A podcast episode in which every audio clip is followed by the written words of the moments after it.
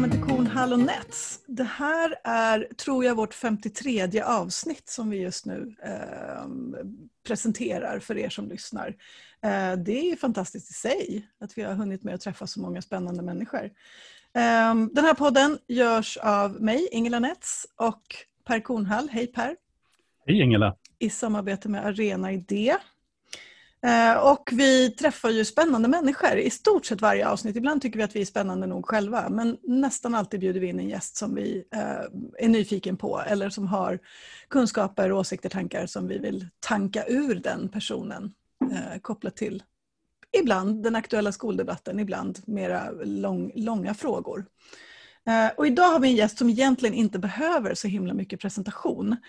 Han eh, har eh, varit miljöpartistiskt språkrör och utbildningsminister därtill fram till eh, 2019. Och våra vägar korsades eh, när jag, eh, till en början mig själv helt ovetandes, blev eh, någon sorts talskrivare i en, en partiledardebatt i riksdagen där hans slutanförande var en, eh, ett långt citat från en bloggtext som jag hade skrivit som hade fått väldigt mycket uppmärksamhet. Um, nu är han tillbaka som folkhögskollärare men gör en massa andra saker också. Välkommen Gustav Fridolin. Tack så mycket. Vad gör du egentligen nu för tiden? Jag är folkhögskollärare. Jobbar eh, heltid på Stadsmissionens folkhögskola undervisar i historia och religion i mina ämnen. Sen har vi ju, och, som på många folkhögskolor, tematisk undervisning. Så i temat ingår också samhällskunskap. Eh, jag ansvarar för att de får naturkunskap, men det gör jag genom att eh, behövliga naturkunskapslärare eh, kommer in och undervisar naturkunskap. Ehm, sen har jag sen eh, en termin tillbaka blivit en av tolv folkhögskollärare i landet som, som del av min tjänst får forska. Eh, så nu försöker folkhögskolan ta samma steg som man ju lite stapplande börjat ta i, i grundskola och gymnasium och få fler lärare som beforskar sin, sin praktik. Eh, så jag går forskarskola. Jag är knuten till Göteborgs universitet. Och vad är forskningsfrågorna? Vad, vad tänker du dig att du ska titta på eller ni? Kanske Ja. Jag, jag är väldigt... Det är ju allmän kurs jag jobbar med. Uh, I princip alltid har gjort, både, både förra vändan och när jag utbildade mig till, till folkskollärare och nu. Och det är ju alltså när man som vuxen lär sig en gymnasiekompetens. Uh, och I allmän kurs finns det en, en, stor diskussion om att deltagarna har förändrats. Det finns vissa tyd, viss tydlig statistik runt det. Att vi har fler med migrationsbakgrund, vi har Eh, fler med, med neuropsykiatriska diagnoser.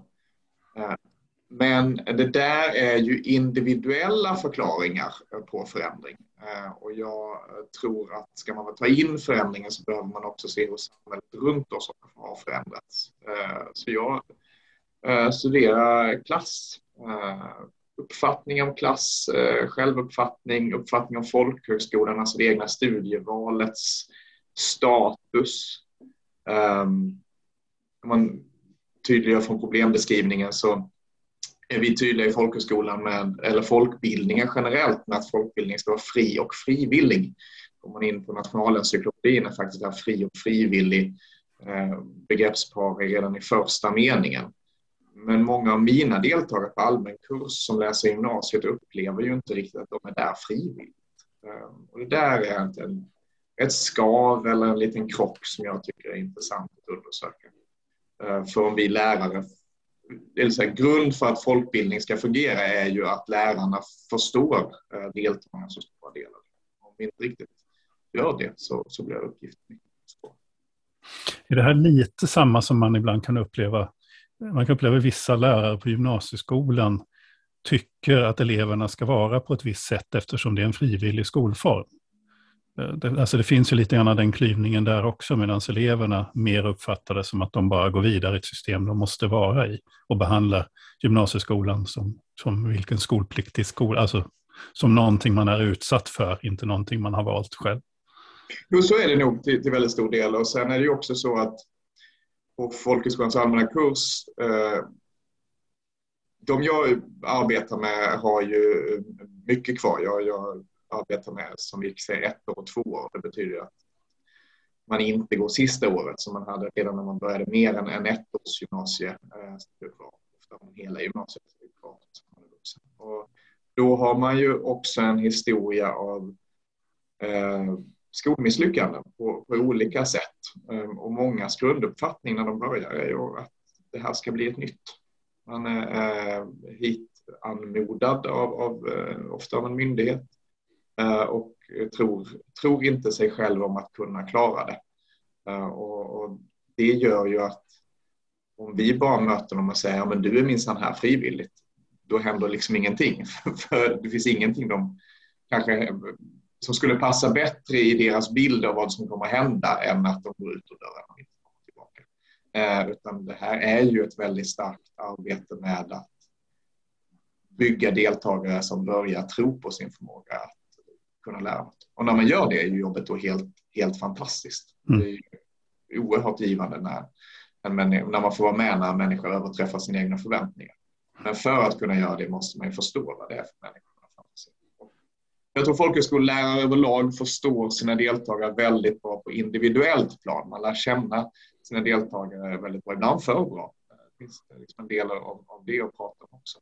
Men eh, som grupp eh, tror jag att vi känner deltagarna sämre än vad folkbildningen traditionellt har gjort.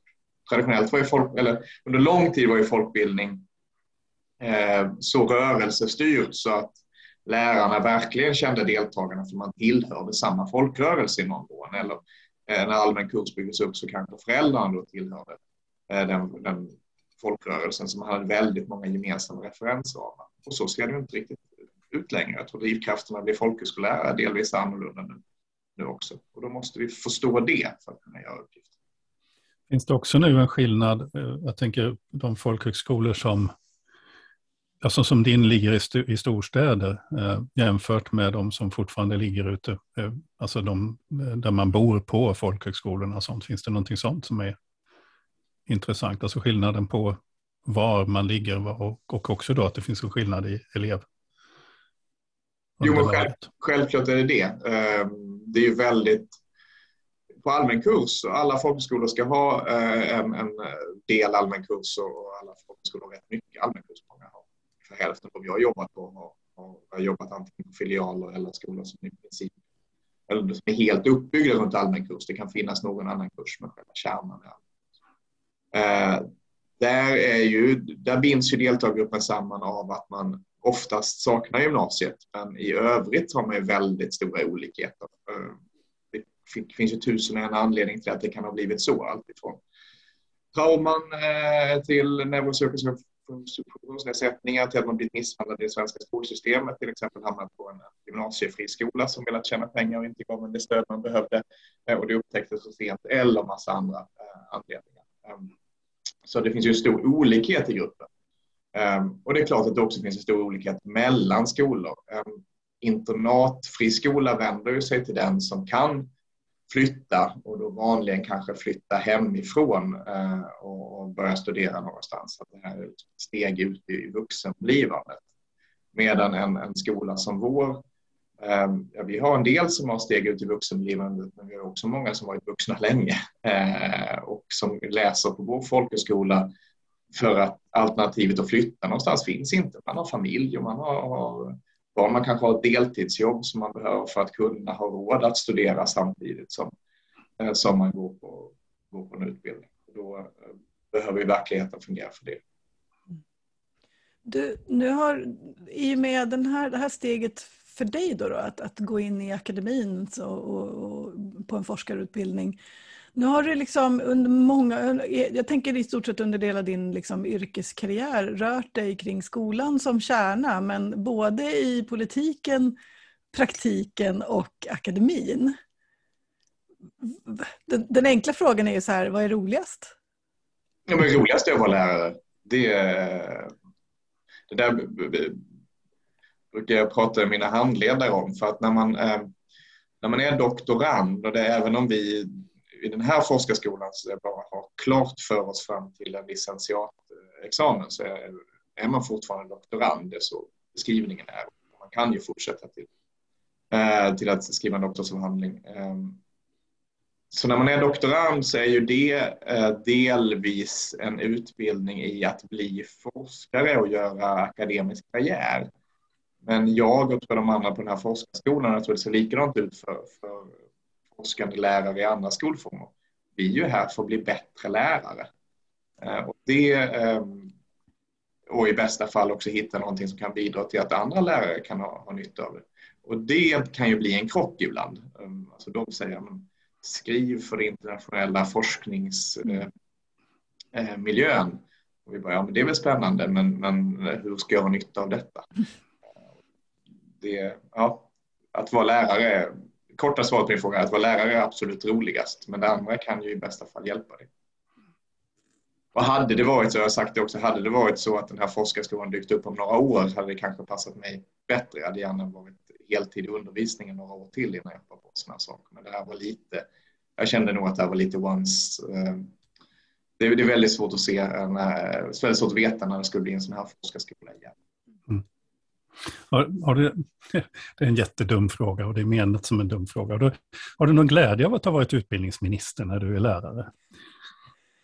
Ja, men det är klart jag har. Ähm, att, att jag har ähm, man kan ha viss praktisk glädje. Eh,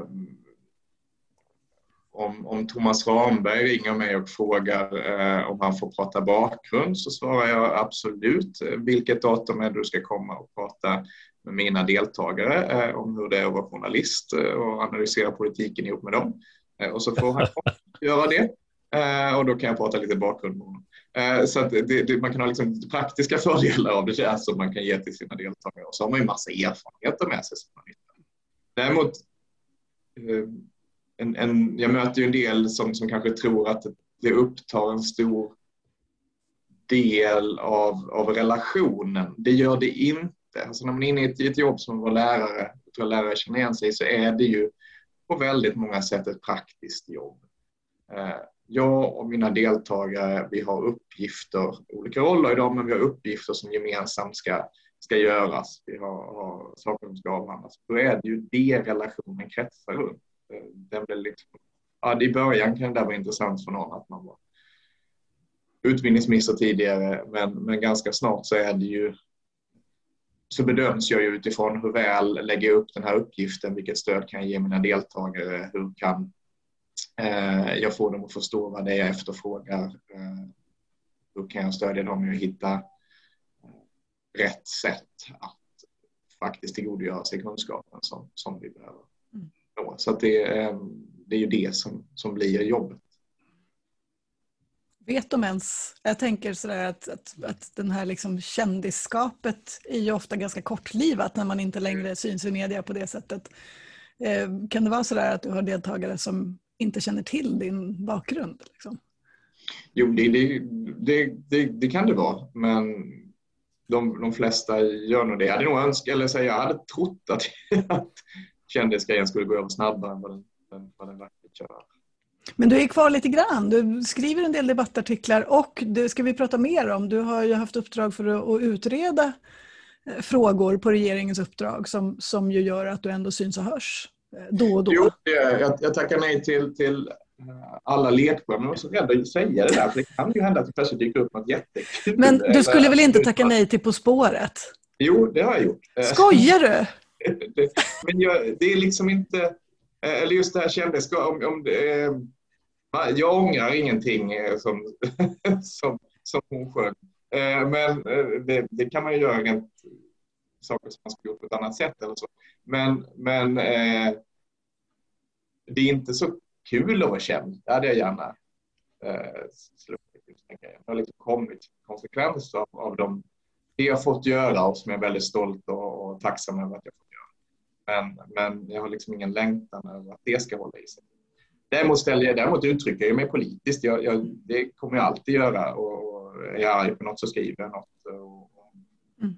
eh, blir jag tillfrågad om att göra någonting som handlar om att försöka förklara vad jag har gjort eller vad jag tänker eller så. Då, eller vilka vägval jag tycker Miljöpartiet borde göra. Eller så, då kan jag göra det. Men liksom det här kändisskapet sådant, det har jag Hur pass aktiv är du i Miljöpartiet? I?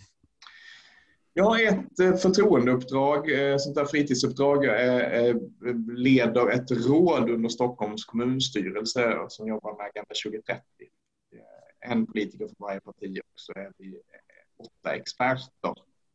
Några professorer och några från civilsamhället och några från näringslivet som ska titta på de politiska processer som görs i stan, till exempel om man ska ta ett nytt upphandlingsprogram och se kan det här förbättras för att nå målen i Agenda 2030. Så det är, vi har ett möte i månaden. Um, och sen nu inför valrörelsen så, uh, så ska jag liksom dra mitt strå till stacken och är på valupptakter. Så jag var i Umeå uh, förra helgen. Ska till Trollhättan nu i helgen. Kommer Miljöpartiet att sitta kvar i riksdagen efter valet? det kommer jag att kämpa på det sätt jag kan för. Jag tror verkligen att det behövs. Mm. Och jag, jag kan, någonstans kan man ju tycka lite så här. Jag pratade med, med gröna från, från andra länder i Norden i, i, igår. Det, de, de gröna är 10 procent i Danmark och 10 procent i Finland. Och, eh, åtminstone 5 procent i, eh, i Norge. Så får inte prata om Tyskland då. Där de, Gröningen nu har både utrikes och näringsministerposten och så där. Det, det, det, känns konstigt att det inte skulle finnas utrymme för samma eh, styrka i ett grönt parti.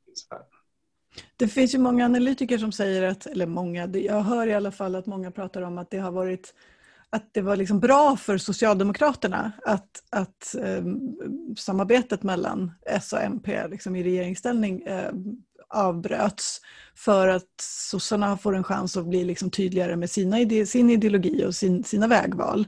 Va, var det bra för Miljöpartiet? Det, det antaget bygger på att socialdemokratisk ideologi är att eh, öppna gruva i, i Kallak och eh, eh, sänka bensinskatten eh, och sådär. Jag vet väl en del socialdemokrater som skulle eh, ha invändningar mot den eh, den beskrivningen. Ehm, men eh, alltså för Miljöpartiet, nej jag tror inte det var så bra för Miljöpartiet. Miljöpartiets uppgift är att försöka komma in i de rum som man kan göra förändring i.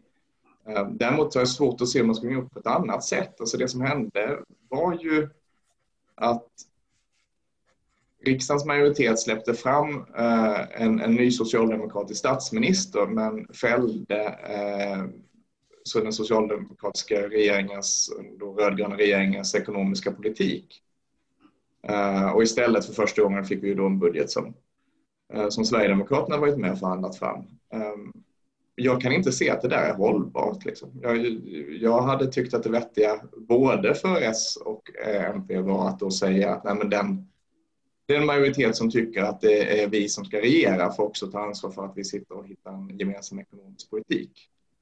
För det hänger så tätt samman. Annars blir man ju inte regering utan då blir man ju administratör. Vi ska inte uppehålla oss vid det, men, men, men apropå det, jag tycker ju att det ändå är, det är konstigt att det land som har skapat Greta Thunberg, om du förstår vad jag menar, det, är inte något, det har inte något land gjort, utan hon är. Men det landet där Greta Thunberg kommer ifrån, som har skapat en rörelse över hela världen, har en, då nu en så pass svag ställning för det gröna partiet. Det är ju en konstig anomali i tillvaron tycker jag. Nej men så är det ju. Det kan ju istället har vi en stark folkrörelse för lägre bensinskatter. Ja, och det kan ju på ett sätt hänga samman. Jag var i, i Köpenhamn eh, vid höstlovet, den här lilla luckan som var i pandemin på väg eh, eh, Eh, för ett styrelsemöte och då eh, var det kommunval precis. Alla partier i Köpenhamn hade valaffischer och vallöften om eh, miljön, klimatet, naturen. De konservativa, alltså Moderaternas systerparti, hade en, en företrädare som presenterade sig som klimatosse. Klimat, typ. Och det där skulle ju inte hända i Sverige. Det kommer inte hända i, i valrörelsen utan miljöfrågan spelar faktiskt idag en mer undanskymd tillvaro i debatten eh, här än vad ni gör i andra länder. Jag tror delvis det handlar om att många tror att men i Sverige har vi gjort vår läxa, att vi är liksom färdiga. Eh, och då blir Greta Thunberg nästan ett, ett, ett, bevis på det. Ja, men titta, vi är så bra här så vi har eh, till och med de som, som har den ledande klimataktivisten i världen, det är bra att hon åker ut och berättar för andra vad de borde göra. Eh, men då lyssnar man ju liksom inte riktigt på Greta Thunberg. Eh, visst, vi har gjort mycket och vi har många exempel som andra borde ta efter, men det är fortfarande så att i Sverige lever vi som om vi hade fyra jordklot och det har vi inte. Eh, utan här krävs en, en rejäl omställning av ekonomin också, också här. Um, och, och jag tror det perspektivet är svårt att få in. Det är, ändå, det är ändå mycket roligare att känna och tänka att vi är färdiga, vi har gjort vårt och oj vad vi är bra. Än att känna att vi har en stor läxa framför oss vi också. Mm. Eh, på tal om, och, och, du pratar om att, att liksom man behöver finnas i de rum där, där möjlighet till förändring finns på något vis. Um, det blir en, en, kanske lite långsökt men dock övergång till den här utredningen om skolbibliotek och läromedel som du har ansvarat ja. för och lagt fram i två, i två delar till, eh, till regeringen. Um, och sen har det inte hänt så mycket. Nej. Varför det? Ja, det undrar jag också. Eh, eller läromedelsdelen, ehm, det, eh, den är, har ju varit på remiss och där är ju liksom tidplanen att Eh, eh, den tidplanen går fortfarande i någon mån att hålla, även om man väl nu förväntar sig löften om att det kommer en proposition och så. Men skolbiblioteksdelen har man ju skjutit på, på framtiden och det, det vet jag faktiskt inte varför. Eh, remissvaren var eh, genomgående positiva. De, den kritik som fanns kom eh, som alltid från den del av huvudmannahållet som vill minska som alltid är mot en reglering som innebär att man behöver göra någonting man tidigare inte var tvingad att göra.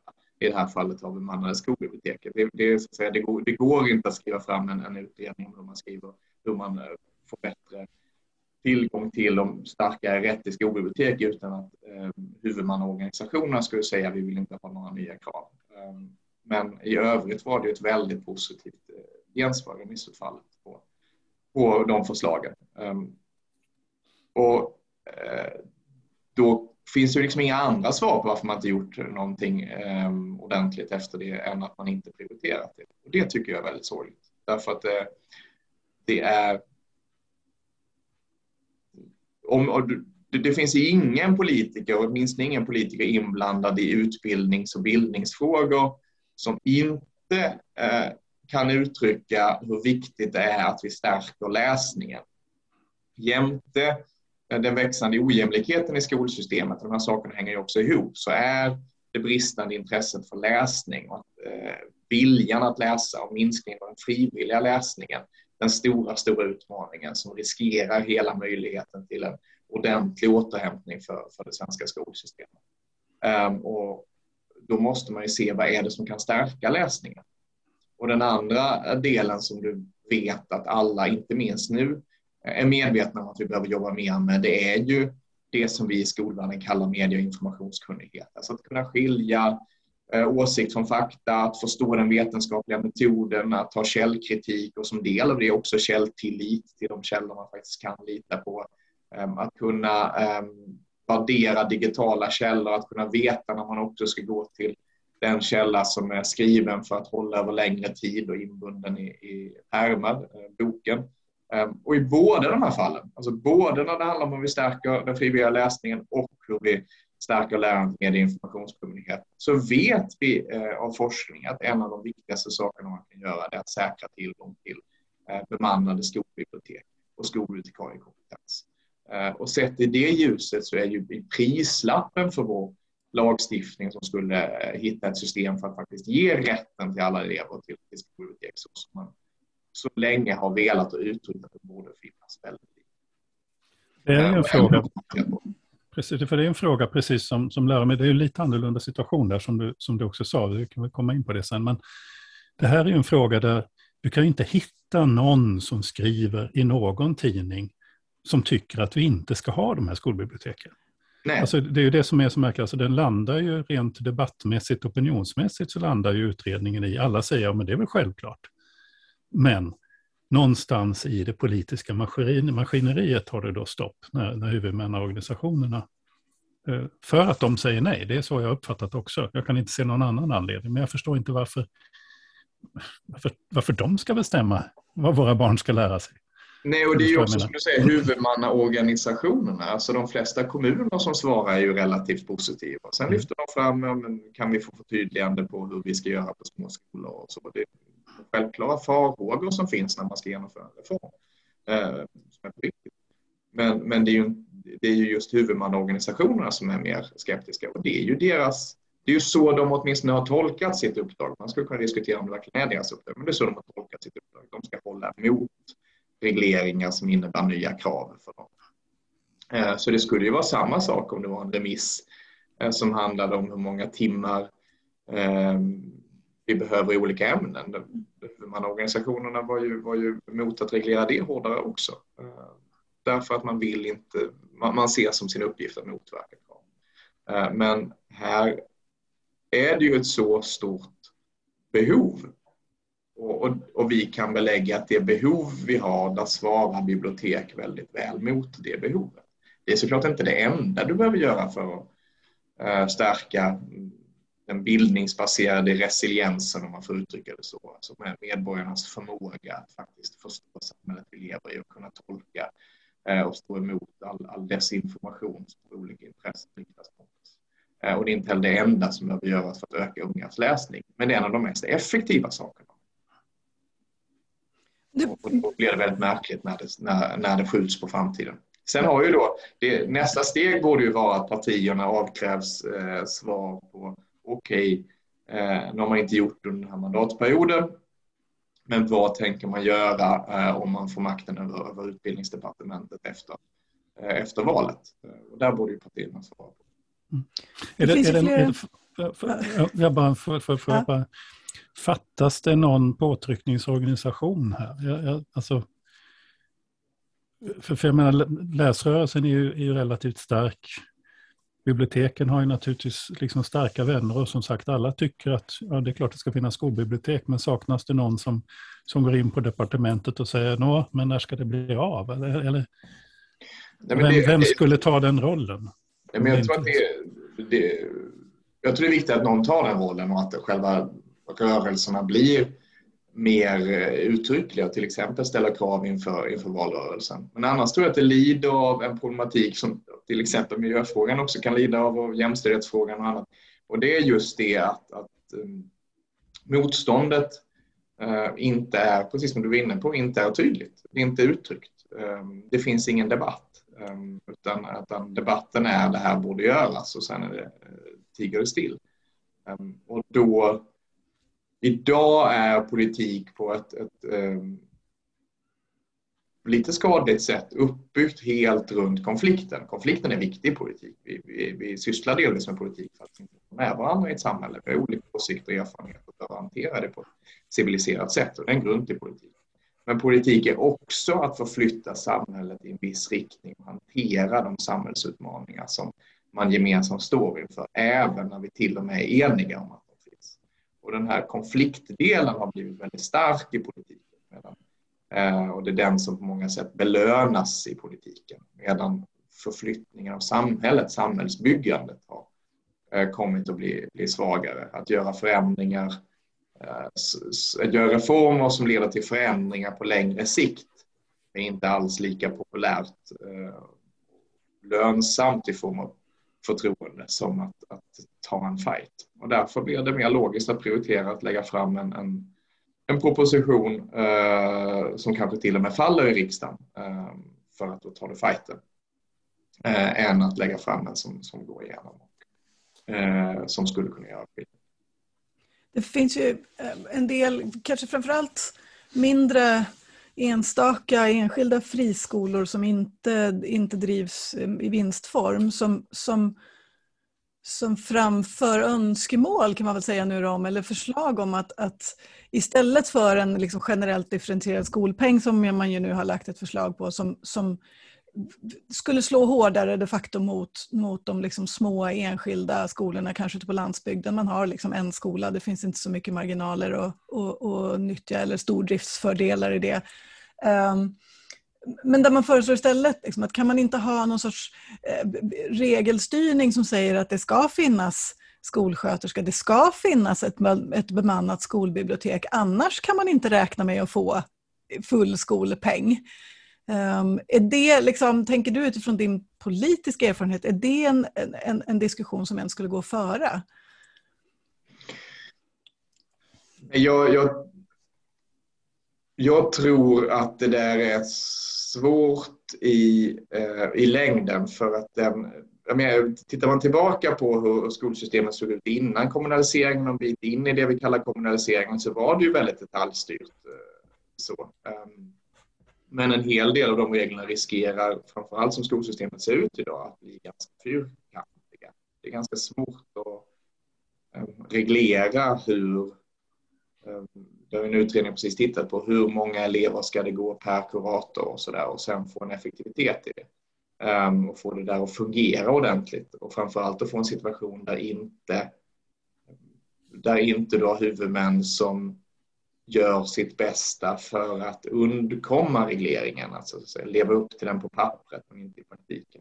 Jag tror att det problemet som du är inne på, det behöver man lösa genom att, att ändra logiken i friskolesystemet så att de som får driva skola i Sverige är aktörer som det offentliga har förtroende för och har anledning till att ha förtroende för.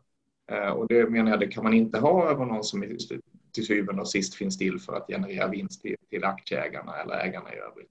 Eh, därför att då, då urholkas det förtroendet för att du har den, eh, den viljan. Och att det är en del av problemet med att vi inte hittar rätt system för att stödja de friskolor som drivs på ett, på ett annat sätt. Därför att du helt enkelt har så många aktörer som du inte riktigt litar på. Ehm, skulle man lita på aktörer då, då, är det ju inte jättesvårt att hitta ett skolpengsystem som har liksom grundbelopp och så där som gör att de kostnader som en liten skola har faktiskt kan, eh, kan betalas. Det är ju en typ av friskola som jag alltid har försvarat. Att man faktiskt ska kunna driva vidare en byskola som, eh, som politikerna vill lägga ner. Och då gör man ju det. Det är en av anledningarna till att jag ändå tror att det bör finnas eh, rätt att också driva de skolor som politikerna inte vill ha. För det gör vi ju i konflikt med politikerna i så fall. Alltså, jag tycker att jag blir lite... profitdrivet eh, fungerar.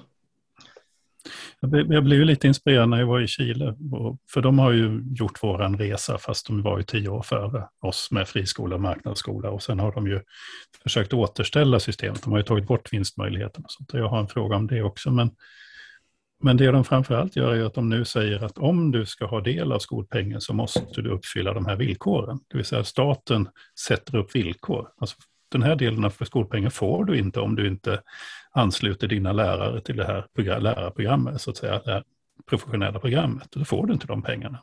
Take it or leave it. Det vill säga att staten ställer tydliga krav och så. Det har lite med det, den frågan som mm. Ingela ställer. Alltså. Eh, för, för, det är ju ändå så att din utredning är ju lite grann mer av en regelstyrning och en regelstyrning som vi har sett komma i skolan. Vi ställer från staten högre men också inte bara som flummiga mål i vad man ska uppnå utan faktiskt ställer krav på vad som ska finnas i skolsystemet. Och sådana regler behövs också. Jag är inte emot alla, men jag tror att, att, jag tror att man går fel om man är enbart ute efter att göra dem mer detaljerade. Ehm, mm. Jag tror inte vi kommer att nå, nå fram då. Men det behövs sådana regler också. I just skolbiblioteksfallet så har, det ju, eh, har man ju varit ute efter sådana regler sedan, Valfrid Palmgrens eh, biblioteksutredning till ecklesiastikministern och då är vi på 1921 eller något sånt mm. Så det är ju en, en, det är verkligen inte första gången det, det drivs. Det, där, det är tydligt att där finns det ett behov av en sån, eh, en sån reglering. Och en reglering som då kan ta in att vi har skolor som är små, vi har skolor som ändrar elevantal snabbt har, och då behöver man regler som kan... Vi har skolor som ligger i samma lokaler som ett folkbibliotek och då behöver det finnas regler som hanterar också dem. Eh, de situationerna och det försökte vi, eh, vi skapa, eh, hitta de, den typen av regleringar som ändå gör att även de eleverna har rätt till ett skolbibliotek men att det då ser annorlunda ut än vad det gör på det man tänker som den, den vanliga skolan. Um, sen sen uh, tror jag ju att, att eller det, det, det, tillsattes ju en utredning, jag tyckte det var en av de riktigt bra sakerna med januariavtalet som, som sen tyvärr har slarvats bort, men det tillsattes ju en utredning om förutsättningarna för att förstatliga skolan. Eh, och oavsett vad man lägger i det begreppet så att någon faktiskt sätter sig ner och går igenom hur ser finansieringsmodellen över den svenska skolan ut? Vem betalar vad? Eh, vad borde staten betala? Vad kan ligga på andra aktörer? Vad är undervisningens och utbildningens kärna och vad är annat? Eh, det tror jag vore väldigt, väldigt viktigt. Björn Åstrands utredning om likvärdighet, ehm, en av de mindre diskuterade delarna där är ju att han väldigt tydligt kan bevisa det redan Skolkommissionen var inne på. Att, att skolorna får kraftfullt olika resurser beroende på vilken kommun man ligger i som inte motiveras av behov utan tvärtom är antikompensatoriska. Alltså de skolor som skulle behöva mer resurser får mindre för att de ofta ligger i fattiga kommuner. Eh, och sen finns det också en parameter att man får mindre i kommuner som inte bryr sig så mycket om skolan. Och det är ju inte så vi vill ha det svenska välfärdssystemet. Och därför borde, tror jag, staten finansiera skolan. Och när man hittar den finansieringsmodellen, tar fram den, så kommer man ju behöva gå igenom vad är det vad man ska finansiera och hur ska det se ut. Och en sån utredning skulle verkligen behövas. Den lite har ju inte riktigt de direktiven tyvärr och det tycker jag är synd. En, en elaka tunga sa att det blev så därför att Centern som ju är emot att gå åt det här hållet de ville att det bara skulle bli eh, en möjlighet till en valpamflett till Liberalerna eh, och Liberalerna ville gärna ha en valpamflett. Så det blev märkligt mot gemensamma intressen. Det hade varit väldigt bra med, med en grundlig utredning som verkligen räknade på hur ser vi till att vi får en finansieringsmodell i den svenska skolan som stärker att alla skolor får det de, det de behöver och de som behöver mest också får mest oavsett var kommungränserna går. Men där uppfattar jag ändå att nu har ju den utredningen fått ett förnyat eh, direktiv. Jag uppfattar ju, till skillnad från Lärarnas riksförbund eller, eller då Liberalerna, så tycker jag ju att det var klokt att ge fler direktiv till den, att ge den ett vidare mandat. Eh, men en annan aspekt är ju också Riksrevisionen ska ju nu till slut, efter 30, drygt 30 år med, eh, med ett skolpengssystem i många kommuner, kolla på om det överhuvudtaget är ett bra sätt att finansiera skolan på. Det tycker jag är en spännande utredning. Lite på tiden. Ja, kan man tycka. Och där ju lagstiftningen ger större utrymme än man tror. Utan det här görs ja. ju mycket därför att man har tänkt att det är så det ska vara. Ja, och, och under tryck eh, från, från jurister från friskolekoncernerna. Men apropå friskolekoncernerna då, eh, så, så sa du just det att, att eh, problemet här är att vi inte kan lita, alltså om man har så att säga, den aktiebolags lagstiftningen i ryggen så är det ju så att det enda vdn faktiskt ska bry sig om det är att betala, att se till att det finns vinst till aktieägarna. Det är ju det överordnade syftet i, i aktiebolagen, sånt som Ann-Marie Paulsson jag har tittat på jättemycket. Och hon lämnar ju nu en utredning till Lärarnas riksförbund och sa, och hon kommer fram till att man inte ska ta bort aktiebolagsskolorna. Och ett av hennes argument är att det blir för dyrt.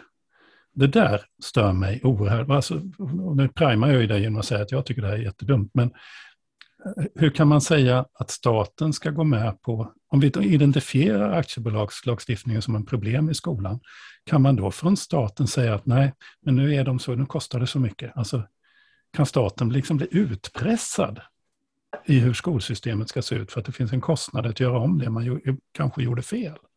Nej, så, så kan man inte riktigt resonera eftersom eh, värdet på skolsystemet och den genererade vinsten av att ha ett starkt skolsystem. Alltså det, för att prata ekonomiska, eh, att, att, elever får med sig det man behöver för livet och får makt över sitt liv och har möjlighet att göra det man bli de bästa vuxna man kan vara. Eh, det är ju den största investeringen ett samhälle kan göra och då är det väldigt svårt att hitta en summa som skulle vara för hög för att skapa det, eh, det skolsystemet. Mm. Så nej, jag tycker inte man kan resonera så, utan ser man att man har grundläggande problem så måste man ta itu med dem. Sen är jag, jag är, kan ju bli lite trött på skoldebatten därför att beroende på sammanhang så lyfter man nästan alltid ett problem, men de är ju flera som hänger samman. Ja, marknadsstyrningen är ett av problemen. Men, men så som kommunaliseringen är utformad, eh, alltså att det inte finns en statlig garantifinansiering eller statlig grundfinansiering, det är en annan del av problemet. Eh, och valsystemet eh, som det ser ut är en tredjedel av problemet. Ehm, och jag tror att förutsättningarna att rätta till ett problem är väldigt små. Men att det borde politiskt åtminstone växa fram förutsättningar att kunna komma överens om eh, en modell där vi rättar till alla problemen. För då behöver alla ge och ta och alla erkänna att man gjort historiska misstag och byggt ett, system som nu ingen försvarar. Det finns ju ingen som tycker att det svenska skolsystemet är bra. Sen har alla sin favoritreform att skylla på Eh, och så har alla tyvärr också någon reform eh, som man håller om ryggen trots att den är liksom del av det här. Fast, fast nu håller jag inte med, för jag har ju träffat en person som, som menade att den som kom på skolpengssystemet borde få Nobels ekonomipris. Det råkar ju också vara en, en, en, en av de här, alltså, högt uppsatt person, delägare i, i, i en av de här riskkapitalistbolagen som nu eh, tjänar pengar, kan jag lägga till. Då. Så det finns ju de som faktiskt tycker att det här är ett lysande modell. Uppenbarligen. Ja, eh, men då är min poäng är att de som då försvarar den delen av systemet, de brukar till exempel vara, vara skeptiska till kommunaliseringen och säga att alla problem mm, mm. Eh, och så, har man liksom, så kan alla vara lite radikala i förhållande till systemet och fortsätta gå på i de hjulspåren och så händer ingenting. Men det är det jag menar att lite som när man haft de här klassiska skatteuppgörelserna så där, när man faktiskt tvingats sitta ner och ta en titt på helheten för att komma framåt. Det utrymmet borde finnas i skoldebatten. Därför att um, pratar man med de som är engagerade i själva tanken vi behöver en stark skola, vi behöver ett starkt skolsystem, så gör man ungefär samma analys. Mm. Ja. Kan man, kan man nu, nu så här, tjejgissar jag, um, apropå den här just när du säger pratar man med dem som, som tycker att vi behöver ett starkt skolsystem.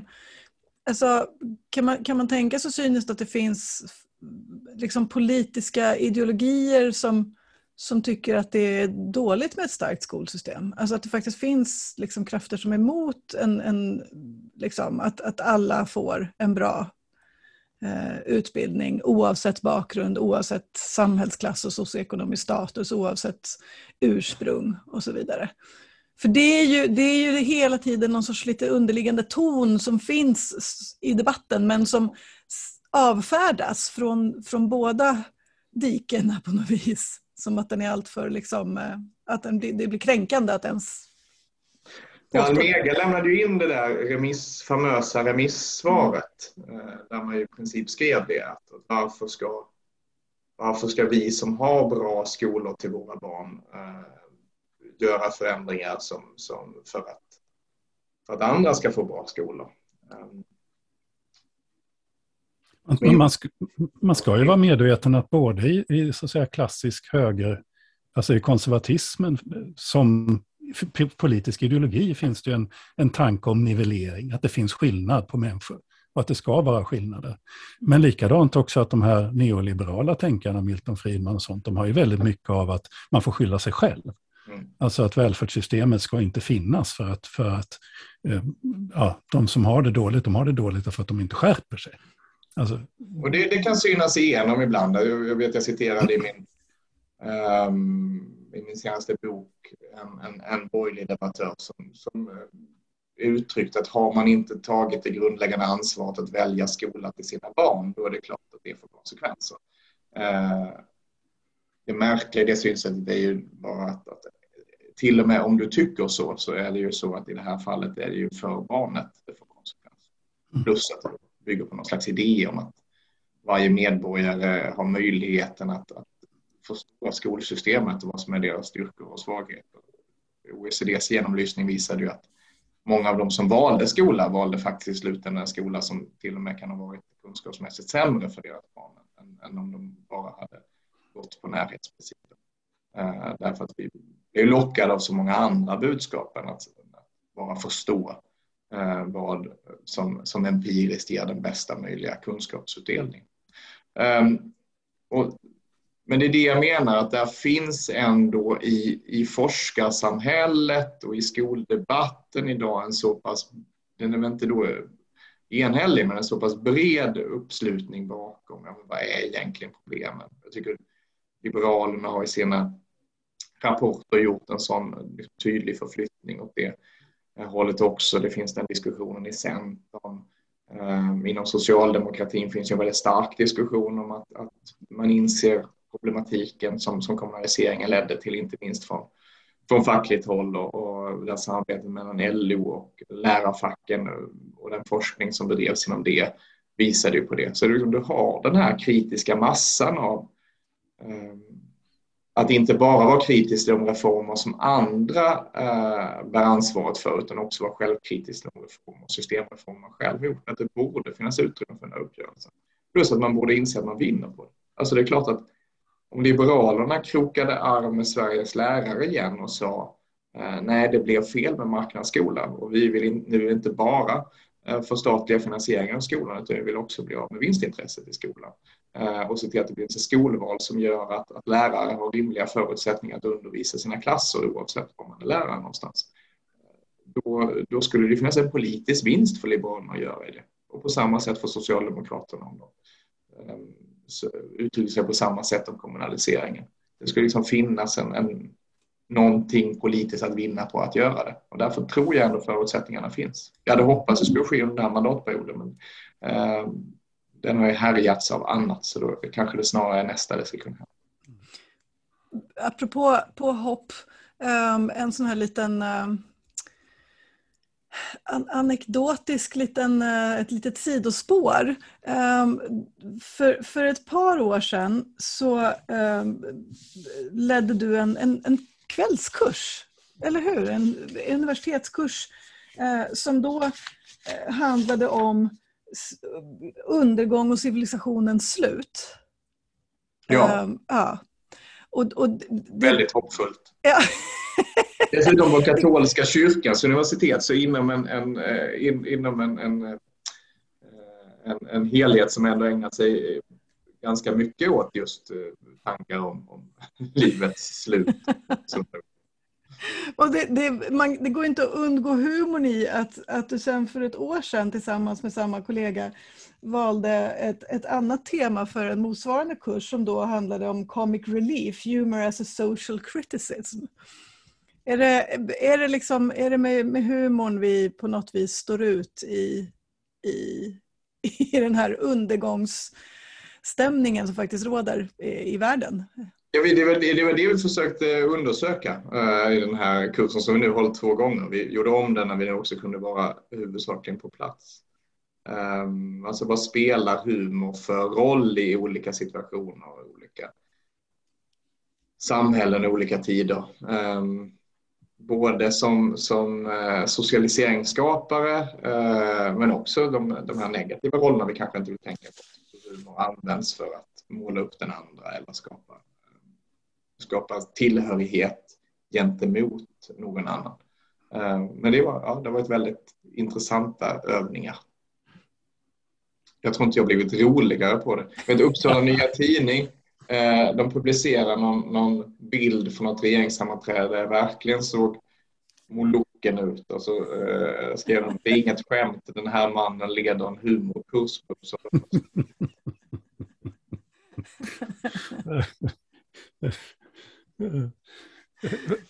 En fråga då, du, du som nu då är expert på humor och kriser. som leder universitetskurser i det. Då. Eh, skämtteckningar, alltså, de var ju jätte, har ju varit jätteviktiga i, i, i västerlandets historia, men jag ser väldigt lite av, av skämtteckningar just nu. Eh. Ja, det, var, det är en sak vi då eh, ägnat oss åt att fundera en, en, en del på. Vi hade också Robert Nyberg på, på besök på, på kursen. Men en del av det har ju övertagits av meme-kulturen. Um, alltså att du, du, har väldigt mm. mycket skämtteckningar, um, egentligen enrutare, rätt likt hur den traditionen var. Ofta med politisk eller åtminstone samhällskritisk udd uh, från olika håll som sprids väldigt snabbt. Men de delas på internet snarare än, än publiceras i tidning. Mm. Så att själva behovet att göra detta lever, lever mm. kvar. Mm. Det är väl prästen Kent Wisti ett bra exempel också på, på hur, hur, eh, vilket genomslag man kan få i, som, som liksom satiriker med humor som, som vapen på något vis i Ja, det finns ett antal sådana media. Mm. Instagramkonton eh, som, där han eh, är väl en av, de, en av, verkligen en av de mer kända men som, som ju också är någon slags brygga mellan den nya meme-kulturen och den, den eh, gamla eh, satirteckningen. Mm. och lånar egentligen teknik från båda. Mm. Intressant. Ja, det var ett litet stickspår. Precis, har men nu har jag, jag har en fråga, jätteviktig, allvarlig mm. fråga. Uh, för att det är naturligtvis så, som utbildningsminister så måste du naturligtvis, naturligtvis recensera Anna Ekströms tid som chef på utbildningsdepartementet. Nu kommer det en, en veritabel liksom, matta av, jag vill inte, jag, i huvudet har jag bombmatta, men just nu är det så obehagliga konventioner liksom, för, kring det ordet. Men det är ju liksom, nu bara det ramlar ner propositioner här inför våren. Eh, vad säger du om hennes tid som, som chef på departementet, om du ska recensera? Jag tycker hon har gjort ett jättebra jobb. Jag kan vara kritisk, jag är kritisk till att man inte ägnade mer tid åt att få till den här eh, uppgörelsen som jag tror, eh, som jag varit inne på, skulle kunna vara möjlig över blockgränserna. Att januariavtalet med sina svagheter ändå la eh, förutsättningar för det eh, och skolbiblioteken. Men som helhet så eh, har det verkligen känts tryggt att ha Anna där. Och det är väldigt, i den, i den värld jag kommer ifrån så är det väldigt få förunnat att få bestämma själv när man ska avgå och dessutom få lämna över till någon man har fullt, eh, fullt människor och som har i grunden ungefär samma idéer och värderingar om, om eh, vad som behöver göras som, som en själv. Så det har varit väldigt tryggt. Eh, och mycket av det som vi jobbade med i skolkommissionen var ju sånt där, där Anna och jag jobbade tillsammans. Anna var ju kommissionens första första ordförande eh, och som ju nu då successivt drivs vidare. Sen dröjer en del saker eh, och det kan det göra i politiken. Jag tror till exempel fortfarande att professionsprogrammet är, är på väg att komma på plats även om det inte redan, även om inte propositionen nu kom före mm. valet. Det är liksom den, den bollen har rullat så långt att det skulle vara svårt att se hur den skulle sladdas. Mm. Det är ju, det är ju för tidigt att, att recensera nuvarande skolminister. Hon har inte fått så många månader på sig än så länge, Lina Axelsson Kihlblom. Men, men jag hade Som en också fråga. satt i skolkommissionen. Ja, precis. precis. Um, en fråga utifrån att vi i podden här träffade din dåvarande pressekreterare och stabschef Matilda Westerman för något år sedan ungefär här i podden. Och då pratade vi om, hon beskrev bland annat um, just den här ganska jag vet inte hur jag ska beskriva det, men, men trots allt en väldigt liksom trång kavaj som man har när man, när man jobbar på den här nivån som, som man gör som, som liksom, eh, rikspolitiker och, och, och minister, och, men även som tjänsteman i, i, på den nivån. Att, att man är otroligt påpassad kring vad man säger därför att vartenda ord liksom, mäts och vägs och prövas och ifrågasätts och, och så. Och det, man, blir, man blir begränsad av det, i, särskilt när man drivs av en stark liksom, passion för det man gör.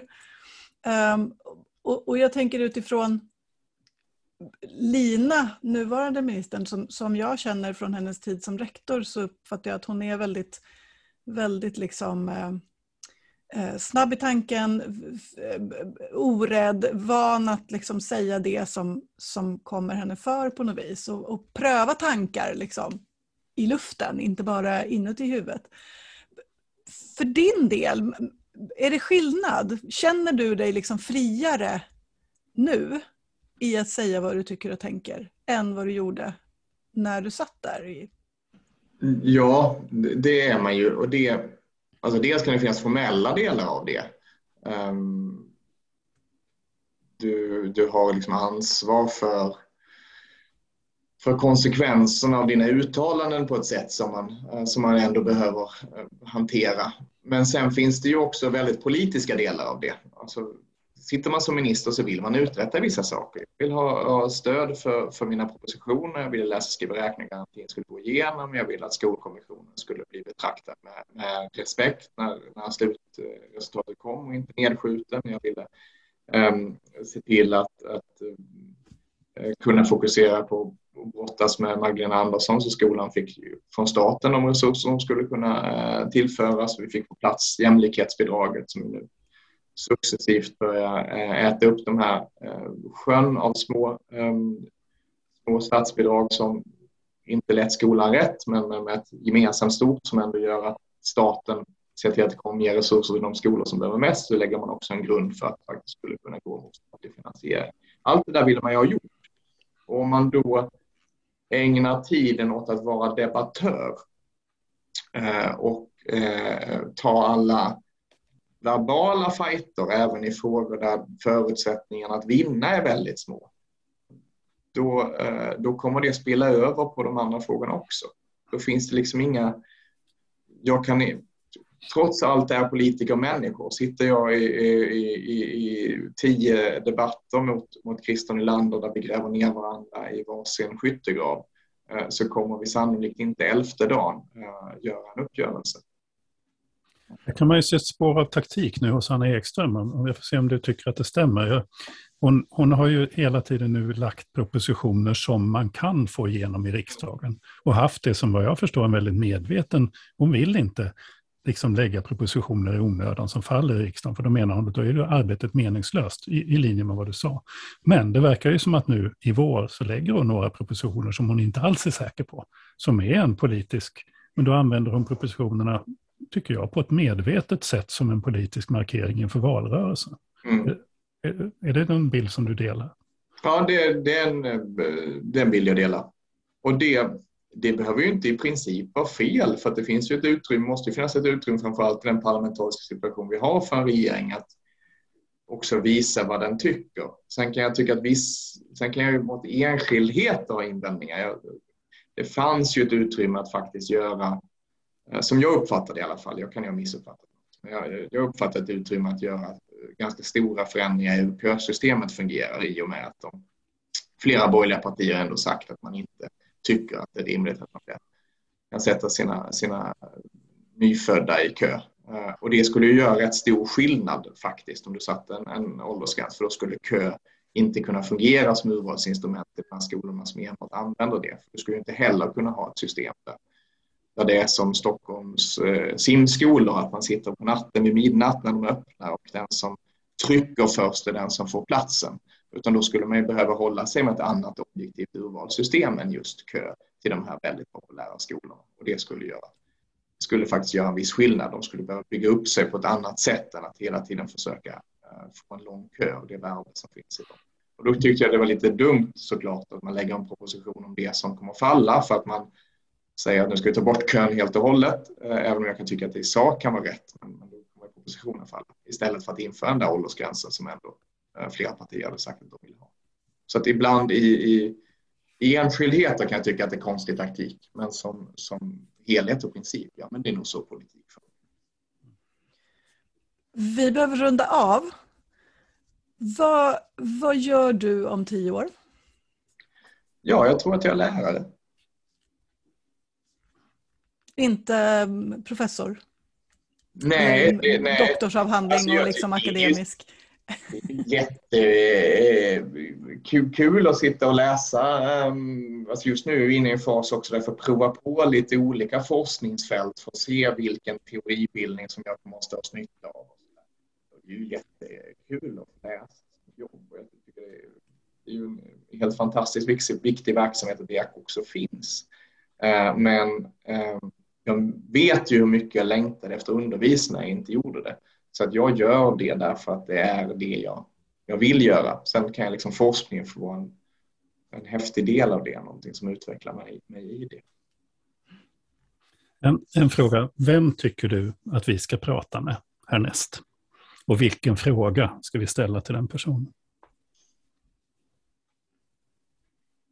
Men vi var ju inne på det, vi pratade ju om Almegas remissvar, det där svaret där de i princip det inte längre är ett samhälle utan eh, eh om några har dåliga skolor är väl det trots allt inte allas problem och sådär. Eh, och, och eh, det har ju funnits liknande debatter även i andra former av segregationsfrågor där. Eh, där villaägarna som uttryckte att det var tvångssegregation att, att bygga nya bostäder för nära bostäder som redan fanns. Har man köpt en dyr villa så ska man inte få några andra nya grannar. Det ska liksom vara stopp. Eh, för man, ingen ska väl behöva bli integrerad med någon annan. Eh, och den, liksom den tankegången att, att vi inte är ett samhälle egentligen utan att, att man kan köpas, alla kan köpa sig till sin egen väg utifrån det ekonomiska kapital man har och vi har inget ansvar för varandra. Den vore ju jätteintressant att höra er gräva lite i. Vem kan man prata med? Ja, men Almegas vd borde väl kunna stå för, för sitt remissvar. Eller? Mm, mm. Spännande. Mm. Ja, spännande. Tack Gustav Fridolin för att du tog dig Mm. tid att vara med och prata skola och politik och utredningar och forskning och allt möjligt med oss. Och humor. Ja, det med. Ha det så bra, lycka till. Vi håller tummarna för att, att de här eh, biblioteks och läromedelsutredningarna ändå får liksom lite ny vind under vingarna här eh, framöver, även om det inte kanske sker före, före valet. För Jag kan ju eh, säga det att frågorna är vi, viktiga. jag är ordförande i läromedelsförfattarna, så vi, där kommer det finnas en påtryckningsgrupp som inte Mm. kommer att tillåta att, att det remiss, eller att den utredningen inte eh, kommer att behandlas någon gång här framöver. Det, så är det. Det räknar jag med. Då så, tack så mycket. Ha det så gott. Tack så mycket. Tusen tack. Hej då. Hej då.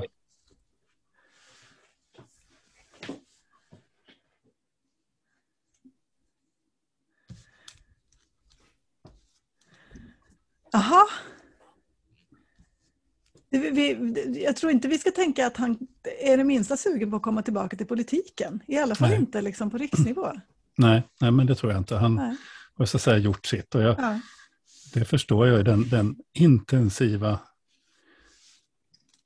Det kanske är så att de som är kvar där är fel personer. Han kanske var rätt Mm. person. Alltså det är Mm. så intensivt. Man måste Mm. tänka så mycket på vad man gör.